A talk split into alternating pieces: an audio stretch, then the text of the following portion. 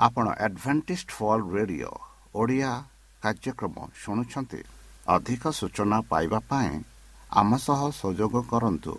ଏକ ଆଠ ଶୂନ୍ୟ ଶୂନ୍ୟ ଆଠ ତିନି ତିନି ଦୁଇ ଦୁଇ ତିନି ଏକ କିମ୍ବା Bible at the rate of A W R dot O R G ଏହା Adventist world radio voice of hope ଜୀବନଧାରା।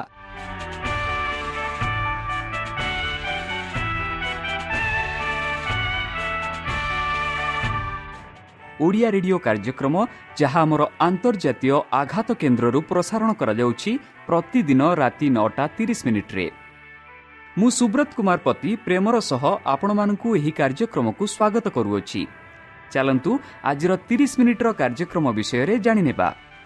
ପ୍ରଥମେ ରଖିଛୁ ଆଧ୍ୟାତ୍ମିକ ଭକ୍ତିମୟ ଗୀତ। ଏହାପରେ ଶୁଣିବା ସ୍ୱାସ୍ଥ୍ୟ ବିଷୟରେ ଯାହା ଆମର ଦୈନିକ ଜୀବନରେ ଅତ୍ୟନ୍ତ ଜରୁରୀ। ଆଉ ପରିଶେଷରେ ଶୁଣିବା ପରମେଶ୍ୱରଙ୍କ ଭକ୍ତଙ୍କଠାରୁ ଜୀବନଦାୟକ ଈଶ୍ୱରଙ୍କ ବାକ୍ୟ। ପ୍ରିୟ ଶ୍ରୋତା ତାହେଲେ ଚାଲନ୍ତୁ ଶୁଣିବା ଏକ ଆଧ୍ୟାତ୍ମିକ ଭକ୍ତିମୟ ଗୀତ। ଏହାପରେ ଶୁଣିବା ସ୍ୱାସ୍ଥ୍ୟ ସୂଚନା।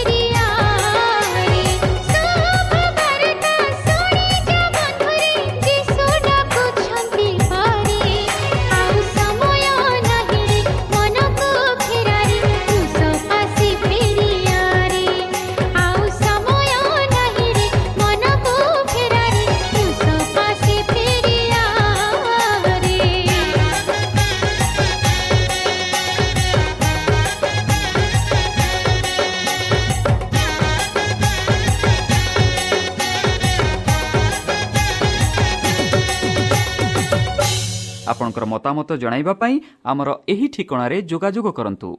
ଆମ ଠିକଣା Adventist media centre SDA mission compound Salisbury park Pune ଚାରି ଏକ ଏକ ଶୂନ ତିନି ସାତ ମହାରାଷ୍ଟ୍ର। ବା ଖୋଲନ୍ତୁ ଆମର ୱେବସାଇଟ୍ ଯେକୌଣସି Android phone smartphone desktop laptop କିମ୍ବା ଟ୍ୟାବ୍ଲେଟ୍। ଆମର website W W W dot A W R dot O O R I ବର୍ତ୍ତମାନ ଚାଲନ୍ତୁ ଶୁଣିବା ଈଶ୍ୱରଙ୍କ ଭକ୍ତଙ୍କଠାରୁ ଈଶ୍ୱରଙ୍କ ଜୀବନଦାୟକ ବାକ୍ୟ। ଅନୁଗ୍ରହରେ ବୃଦ୍ଧି ପାଇବା।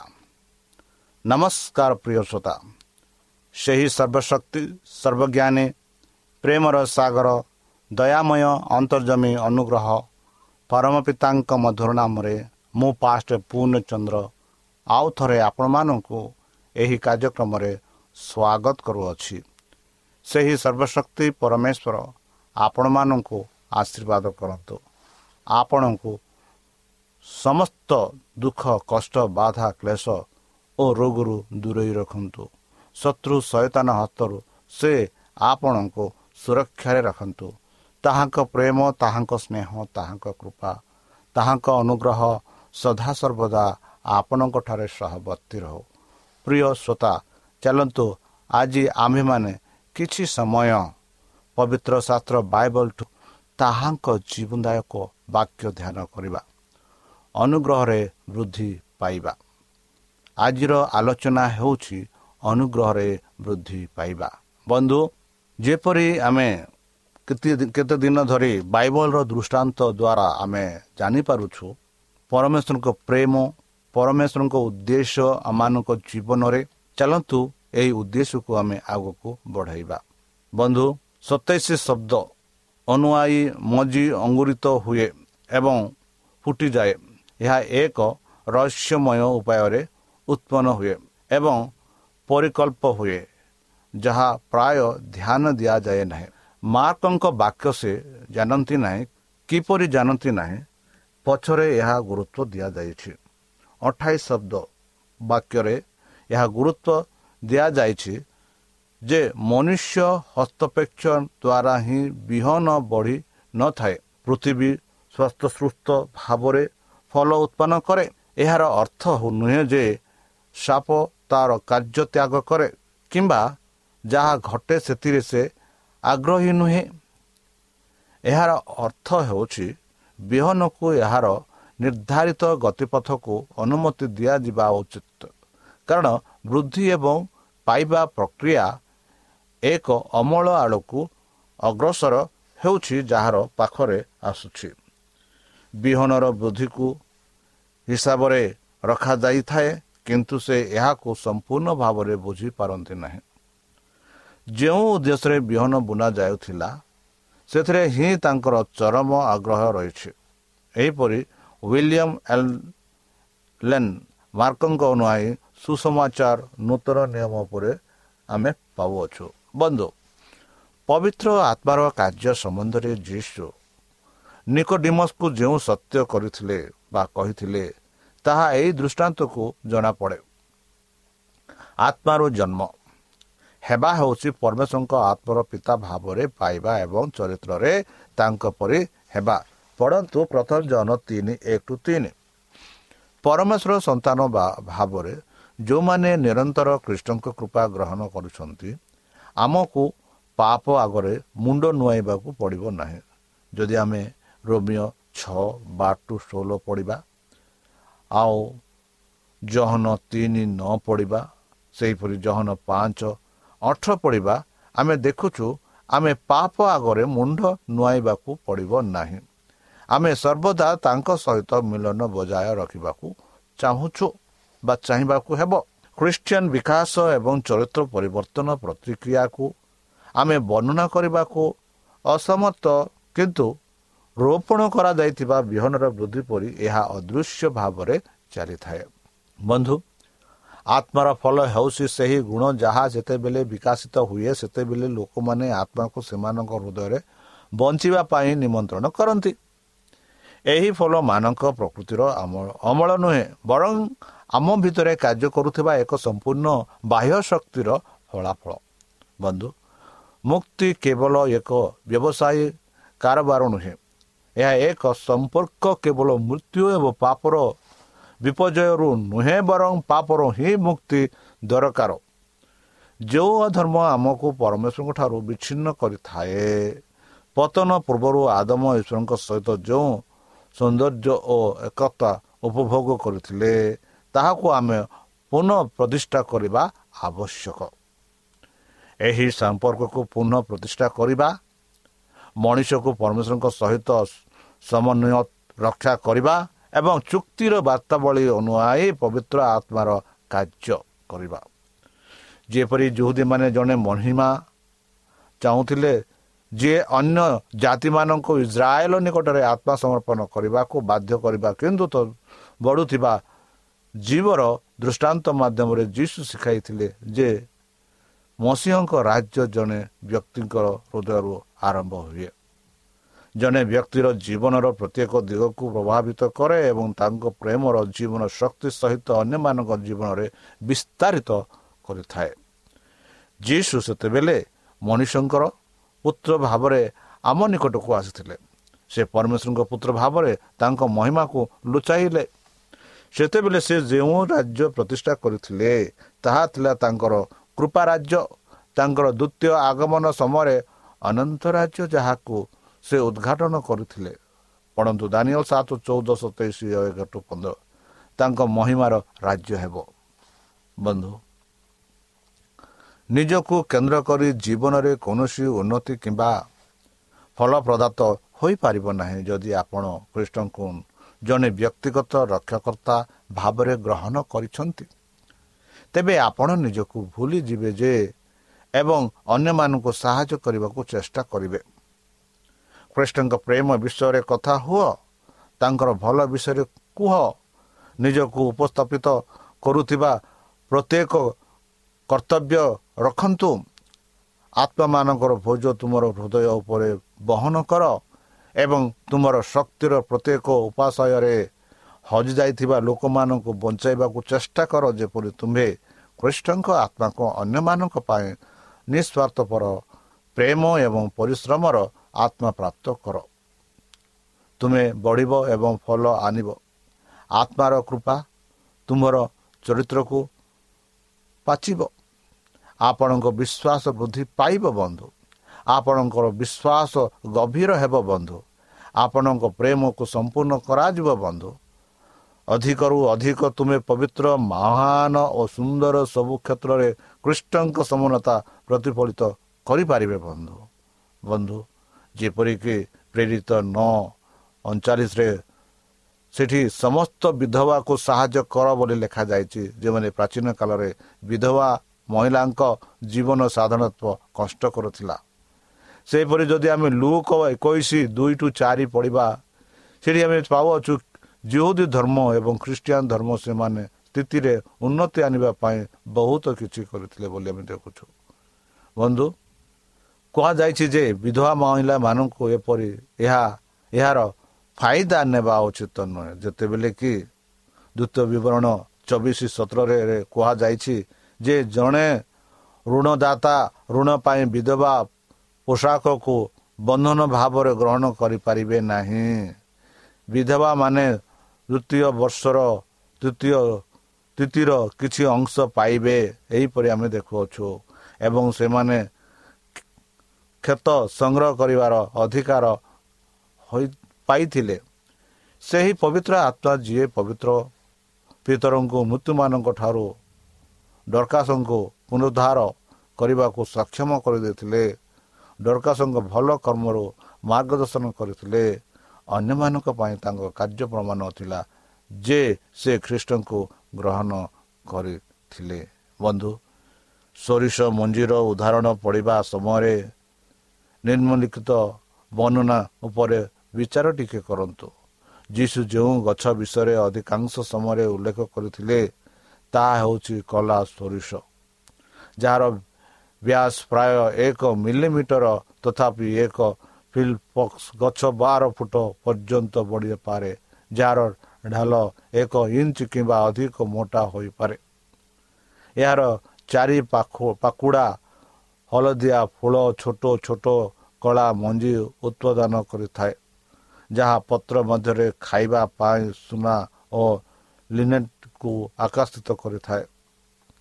ତୁମ୍ଭେ ରୋପଣ କରୁଥିବା ସବୁଠାରୁ କ୍ଷୁଦ୍ର ମଞ୍ଜି ଯାହାକି ମାଥ୍ୟୁ ଚାରି ଅଣତିରିଶ ଆମେ ପାଉଅଛୁ। ସୋରିଷ ମଞ୍ଜି। ବୈଶିଷିକ ଦୃଷ୍ଟିରୁ ସବୁଠାରୁ ଛୋଟ ମଞ୍ଜି ନଥିଲେ ମଧ୍ୟ ଏହାର କ୍ଷୁଦ୍ରତା ପାଇଁ ଏହାକୁ ଉଲ୍ଲେଖ କରାଯାଇଥିଲା। ଇହୁଦୀମାନେ ରକ୍ତର ଏକ ବୁନ୍ଦୁଆକୁ ସୋରିଷ ମଞ୍ଜି ବୋଲି ଛୋଟ ବୋଲି କହିଥିଲେ।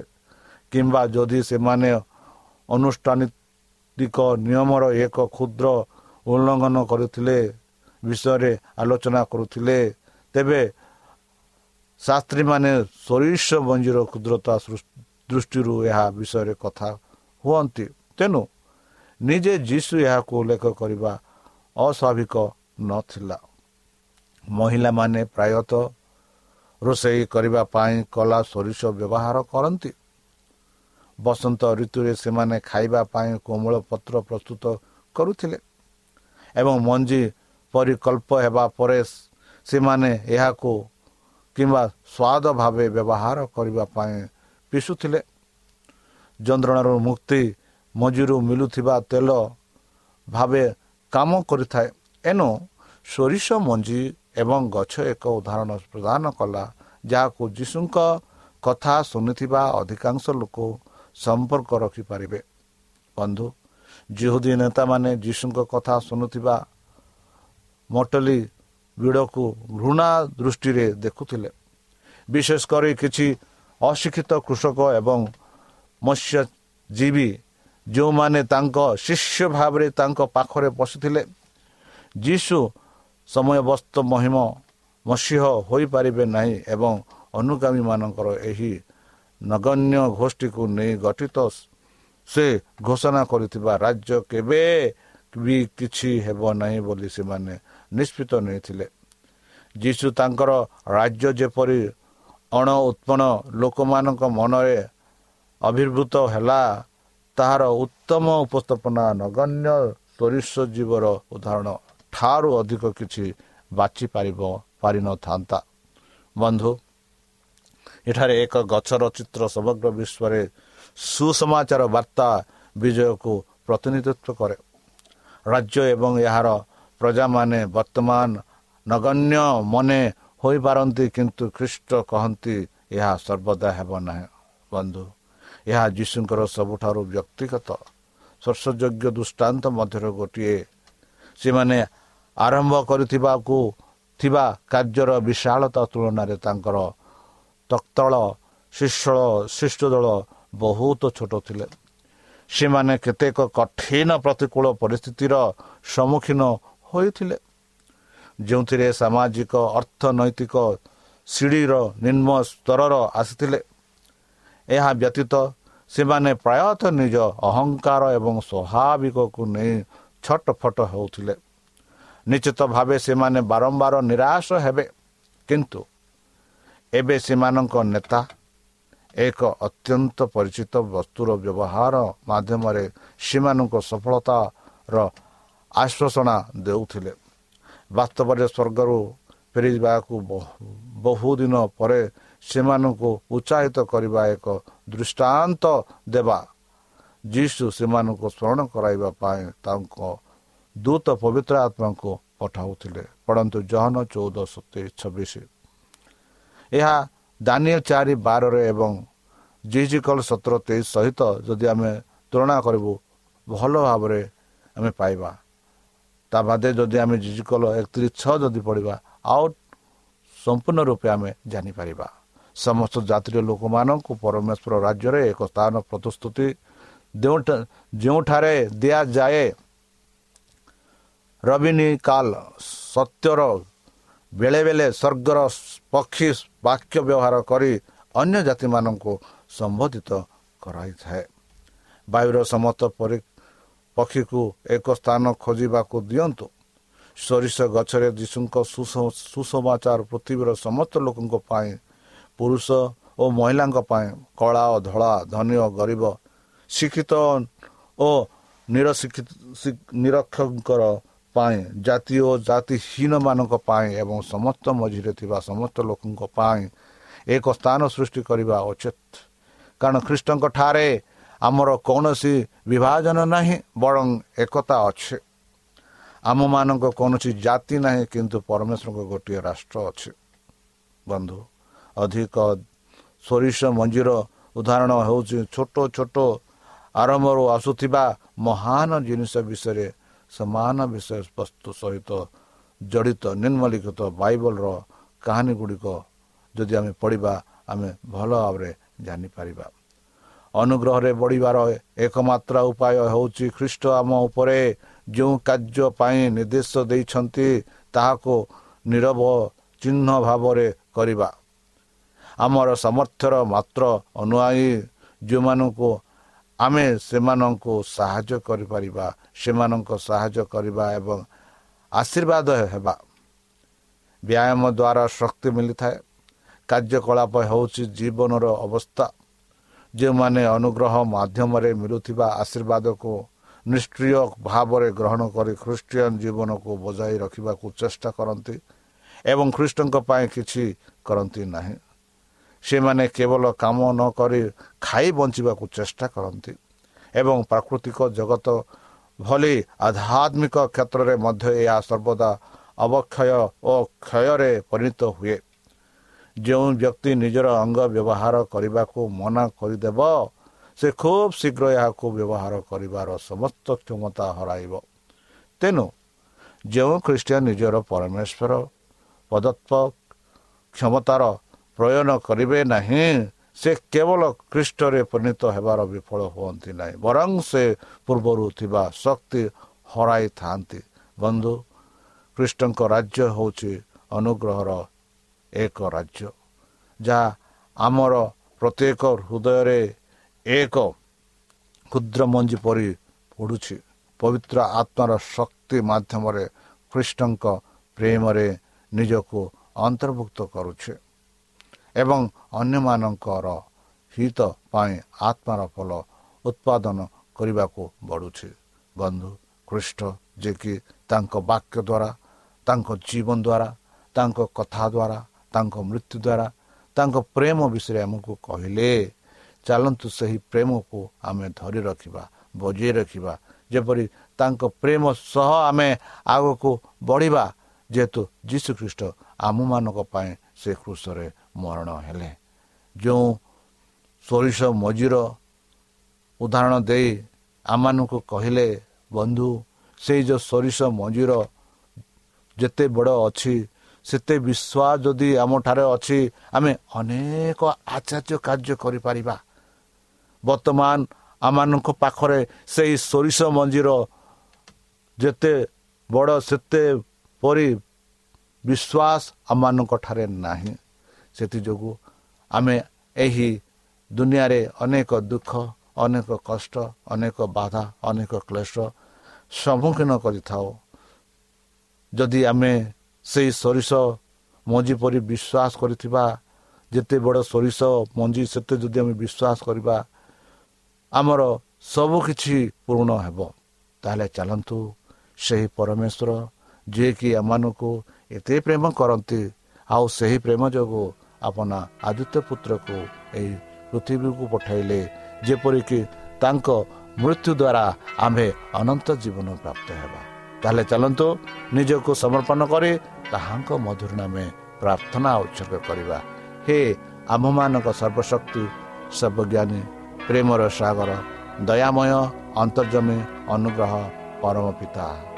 ଧନ୍ୟବାଦ ଅର୍ପଣ କରୁଛୁ ପ୍ରଭୁ ବର୍ତ୍ତମାନ ଯେଉଁ ବାକ୍ୟ ତୁମ ଭକ୍ତମାନଙ୍କୁ ଶୁଣାଇଲେ ସେହି ବାକ୍ୟ ଅନୁସାରେ ଏମାନଙ୍କୁ ଚାଲିବା ପାଇଁ ବୁଦ୍ଧିରେ ଜ୍ଞାନରେ ଶକ୍ତିରେ ପରିପୂର୍ଣ୍ଣ କର। ଆମ ପାପ ସବୁ ତୁମ ସେହି ବହୁମୂଲ୍ୟ ରକ୍ତରେ ପରିଷ୍କାର ରୂପେ ଧୋଇଦିଅ। ଆଉ ପରିଶେଷ ଯେବେ ତୁମେ ତୁମ ସେହି ସହସ୍ର ଦୂତମାନଙ୍କ ସହ ଆପଣା ସାଧୁମାନଙ୍କୁ ସଂଗ୍ରହ କରିବା ନିମନ୍ତେ ଆସିବେ ସେତେବେଳେ ଆମମାନଙ୍କୁ ଏକ ବାସସ୍ଥାନ ଦିଅ ବୋଲି ତ୍ରାଣକର୍ତ୍ତା ପ୍ରଭୁ ଯୀଶୁଙ୍କ ମଧୁରମୟ ନାମରେ ଏହି ଛୋଟ ବିକ୍ଷମା ଅଛି ଶୁଣି ଗ୍ରହଣ କର। ଆମେନ୍। প্রিয় শ্রোতা আমি আশা করুছু যে আমার কার্যক্রম আপনার পসন্দ লাগুব আপনার মতামত জন আমার এই ঠিকার যোগাযোগ করতু ଆମ ଠିକଣା Adventist media centre S D A mission compound Salisbury park Pune ଚାରି ଏକ ଏକ ଶୂନ ତିନି ସାତ ମହାରାଷ୍ଟ୍ର ବା ଖୋଲନ୍ତୁ ଆମର ୱେବସାଇଟ୍ ଯେକୌଣସି Android phone smartphone desktop laptop କିମ୍ବା ଟ୍ୟାବ୍ଲେଟ୍ ଆମର website W W W dot A W R dot O R G slash O R I ଏବଂ W W W dot Adventist media centre India dot O R G Adventist media centre ଇଣ୍ଡିଆର spelling ଶ୍ରୋତା ଆମେ ଆଶା କରୁଛୁ ଯେ ଆମର କାର୍ଯ୍ୟକ୍ରମ ଆପଣମାନଙ୍କୁ ପସନ୍ଦ ଲାଗୁଥିବ। ଆପଣଙ୍କର ମତାମତ ଜଣାଇବା ପାଇଁ ଆମର ଏହି ଠିକଣାରେ ଯୋଗାଯୋଗ କରନ୍ତୁ। ଆମ ଠିକଣା Adventist media centre SDA mission compound Salisbury park Pune ଚାରି ଏକ ଏକ ଶୂନ ତିନି ସାତ ମହାରାଷ୍ଟ୍ର। ବା ଖୋଲନ୍ତୁ ଆମର ୱେବସାଇଟ୍ ଯେକୌଣସି Android phone smartphone desktop laptop କିମ୍ବା ଟ୍ୟାବ୍ଲେଟ୍ ଆମର website W W W dot A W R dot O R G slash O R I ଏବଂ W W W dot Adventist media centre India dot O R G Adventist media centre ଇଣ୍ଡିଆର spelling ହେଉଛି A D V E N T I S T M E D I A C E N T R E I N D I A ଅଥବା download କରନ୍ତୁ ଆମର mobile app ଆପଣଙ୍କର mobile play ଷ୍ଟୋରକୁ ଯାଆନ୍ତୁ ଆଉ type କରନ୍ତୁ the voice of hope ଆଉ download କରନ୍ତୁ ଈଶ୍ୱର ଆପଣଙ୍କୁ ଆଶୀର୍ବାଦ କରନ୍ତୁ ଧନ୍ୟବାଦ